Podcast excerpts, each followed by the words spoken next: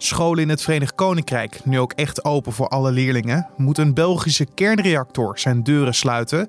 En in Slowakije kijkt men met spanning uit naar een zaak die het land in haar greep houdt. Deze zaak draait om de moord op journalist Jan Kuciak, die veel schreef over vergaande corruptie in het land. Dit wordt het nieuws. En Kuciak was niet de enige die schreef over de zaken van Kochner, maar volgens de officier van justitie gaf Kochner opdracht om Kuciak te vermoorden om andere journalisten af te schrikken. De vermoorde journalist heet dus Jan Kuciak. En de zakenman, die verdacht wordt van opdracht ertoe te hebben gegeven, heet Marian Kuchner. Dat we dat alvast even duidelijk hebben. Want vandaag komt de rechter in Slowakije met een uitspraak over deze zaak. En om die reden hebben we een vooruitblik gemaakt met de uit Slowakije afkomstige Michel Onderko, universitair docent internationale relaties bij de Erasmus Universiteit. Dat hoor je allemaal straks, maar eerst kijken we zoals gebruikelijk naar het belangrijkste nieuws van nu. Mijn naam is Carne van der Brink en het is vandaag donderdag 3 september. Minister Vert Grapperhaus van Justitie en Veiligheid ging woensdagavond diep en emotioneel door het stof tijdens een debat in de Tweede Kamer vanwege het overtreden van de coronamaatregelen op zijn bruiloft. De bewindsman bood zijn excuses aan, maar vindt zichzelf nog wel geloofwaardig als minister. De oppositie was kritisch, al kreeg een motie van wantrouwen nauwelijks steun. Voor het schenden van de coronaregels is Grapperhaus niet beboet. Oppositiepartijen vinden dat raar in verhouding met mensen die wel een boete krijgen. Toch kreeg de roep om het kwijtschelden van de al uitgeschreven boetes geen steun van Grapperhaus. Dat is volgens de bewindsman een rechtsstatelijke doodzonde. Het door Edward Snowden in 2013 onthulde afluisterprogramma van de Amerikaanse inlichtingendienst NSC was illegaal. Zo heeft het Amerikaanse Hof van Beroep geoordeeld. Uit de onthullingen van klokkenluider Snowden bleek dat NSC op grote schaal internet- en telefoongegevens van burgers verzamelde. De NSC heeft daarmee de Amerikaanse inlichtingenwet overtreden en mogelijk ook de Amerikaanse grondwet, al dus het Hof. Snowden, die in 2013 naar Rusland vluchtte vanwege de onthulling, noemt de uitspraak van het Hof een rechtvaardiging van zijn beslissing om de afluisterpraktijken naar buiten te brengen. De hypotheekrente gaat de komende maanden waarschijnlijk iets dalen. Dat denken verschillende hypotheekadviesbureaus. De rust op de hypotheekmarkt keert langzaam weer terug. En daardoor laten geldverstrekkers hun rentes voorzichtig weer zakken. Nadat de coronacrisis ze juist deed stegen. Tijdens de coronacrisis waren er verschillende factoren die ervoor zorgden dat de hypotheekrente stegen. Inmiddels is de situatie anders en is er een rits aan factoren die er juist voor zorgen dat de hypotheekrentes kunnen dalen. Plaatsvervangend korpschef van de politie, Lisbeth Huizer, noemt de zomer van 2020 opvallend. Vaker dan gebruikelijk heeft de politie moeten opschalen om te zorgen dat alles in goede banen werd geleid. En dat vraagt veel capaciteit en inzet bij de politie. Daar zit ook het probleem. Hoewel de capaciteit bij de politie al jaren onder druk staat, verscheen dinsdag een kritisch onderzoek van de Inspectie Justitie en Veiligheid. Daarin werd gesteld dat wijkagenten vaak worden ingezet voor noodhulp, waardoor hun kennis over de wijk afneemt. Hoewel volgens Huizer over het algemeen nog tevredenheid heerst over de aanwezigheid van agenten in de wijk, beaamt de plaatsvervangend korpschef dat in sommige wijken wel zorgelijke ontwikkelingen zijn. In Slowakije doet de rechter vandaag uitspraak over de moord op journalist Jan Kuciak. De journalist die vooral onderzoek deed naar corruptie en daar uitgebreid over schreef, werd in februari 2018 doodgevonden in zijn huis. Samen met zijn vriendin was Kuciak doodgeschoten. De moord galmde door heel Slowakije. Mensen gingen massaal de straat op, want er moest iets veranderen in het land. Hoe staat het met de zaak die Slowakije wakker schudde? En wat is er sindsdien veranderd? Daarover sprak mijn collega Julien Dom, de uit Slowakije afkomstige Michel Onderko, universitair docent internationale relaties bij de Erasmus Universiteit. Maar eerst toch nog even voor wat extra duiding. Wie was deze Jan Kuciak? Uh, nou, Jan Kuciak was een jonge Slovaakse journalist. Hij werkte bij het online nieuwsportaal Actuality.sk. Als journalist behandelde hij voornamelijk onderwerpen zoals corruptie en vriendjespolitiek. En hij gaf vaak trainingen aan andere jonge uh, journalisten ook. Um, hij stond bekend als iemand die was een groot expert in data mining van publieke gegevens. En hij gebruikte vooral de gegevens van het kadaster, handelsregister en verschillende juridische databanken. Hij werd vermoord op 21 februari 2018. Waarom gebeurde dat? In hoeverre had dat te maken met zijn corruptieonderzoek? Kuciak had onder andere verschillende affaires van meneer Marian Kochner ontdekt. Wie was dat? En Kochner was al sinds de jaren 90 een zogenaamde controversiële zakenman. En in september 2017 beweerde Kuciak dat Kochner miljoenen euro's aan belasting had ontdoken via zijn toerismezaak in het Slovaaks berggebied. En Kochner was echt razend over de beschuldigingen van Kuciak. En hij gaf de voormalige directeur van contraspionage van de Slovaakse inlichtingendienst de opdracht om samen met een groep voormalige soldaten en medewerkers van de geheime dienst een dossier over Kuciak op te stellen. En Kochner wilde Kuciak op zijn YouTube-kanaal in kwaad dag, dag, uh, daglicht stellen. En als ik dat goed begrijp, dat uh, dossier wat opgesteld moest worden om hem zwart te maken, dat was het begin pas. Dat was niet meteen eh, van we moeten iets, we moeten hem onderuit trekken en hij moet vermoord worden. Dat was toen nog niet aan de orde. Nee, nee maar uh, het onderzoek leverde echter niks op. Dus um, hij, hij had een, echt een oprichte leven gehad. En um, van een gelegenheid is bekend dat Kochner heeft Kuciak ook bedreigd dat hij moet stoppen met het schrijven. En Kuciak was niet de enige die schreef over de zaken van Kochner, maar volgens de officier van justitie gaf Kochner opdracht om Kuciak te vermoorden om andere journalisten af te schrikken. Is het bewezen ook dat deze man de opdracht heeft gegeven? Of wordt dat nu nog altijd enkel uh, zo gesteld door de officier van justitie? Nou, dat wordt dan besloten door de, um, in, in, in, in het uitspraak van de zaak. Maar dat is wat is gesproken door de officier van justitie. Deze moord die zorgde voor echt een golf van demonstraties in Slowakije destijds. Wat wilden deze demonstranten dat er precies zou gebeuren in het land? Ja, wat naar boven kwam na de moord van Kuciak was dat Kochner een grote netwerk van relaties binnen de hoogste niveaus van politiek, politie, justitie en openbare ministerie had. En Kochner werd als een symbool van de systemische um, corruptie gezien.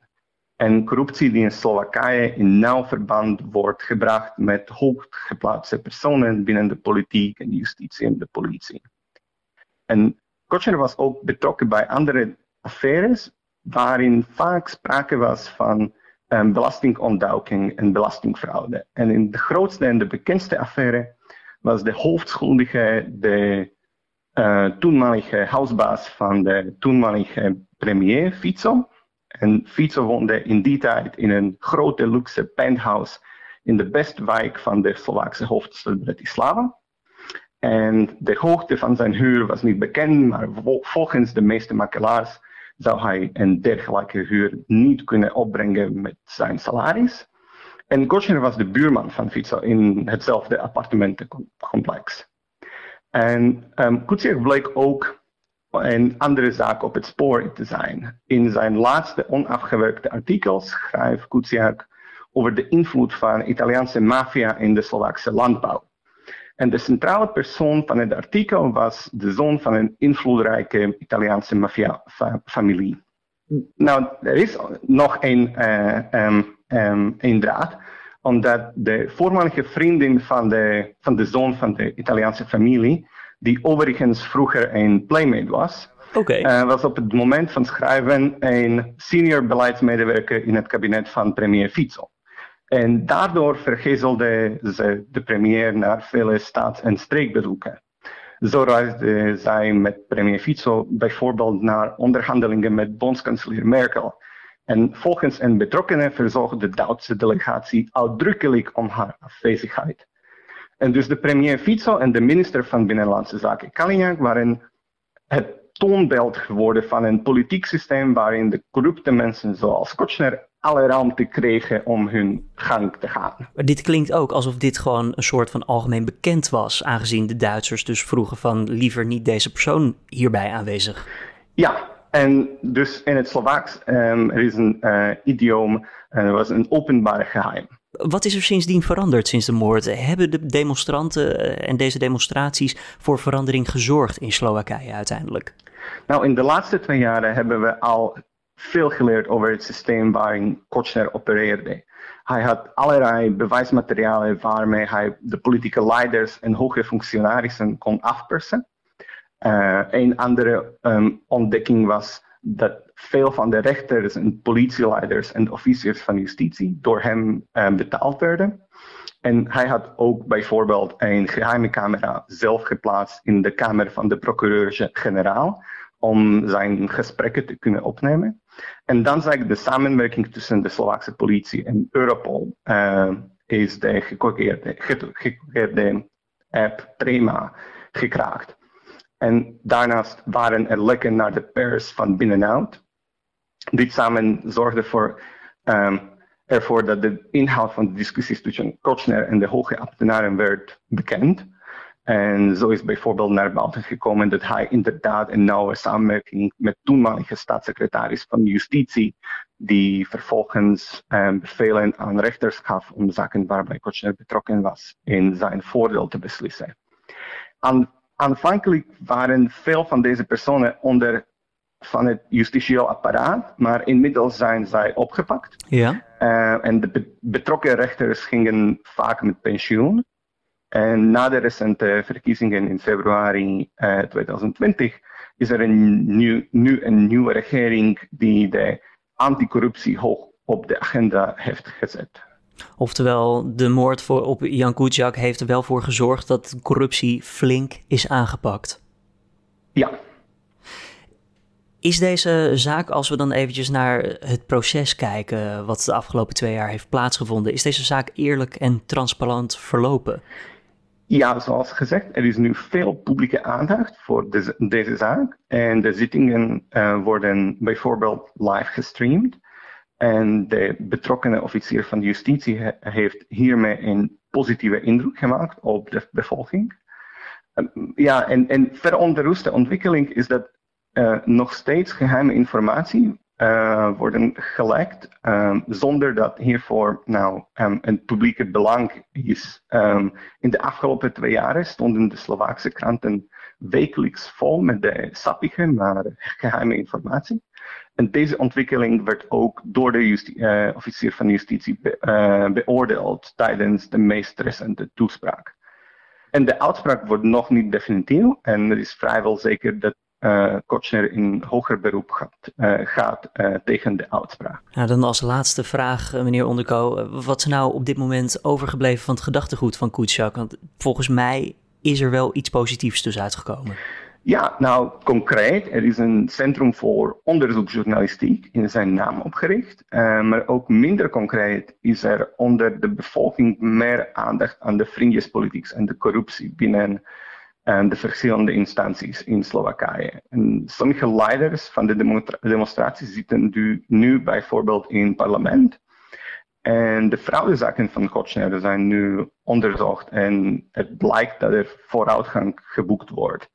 Um, de voormalige nou, enablers uh, van Kochner zijn nu machteloos of zitten zelf in gevangenis.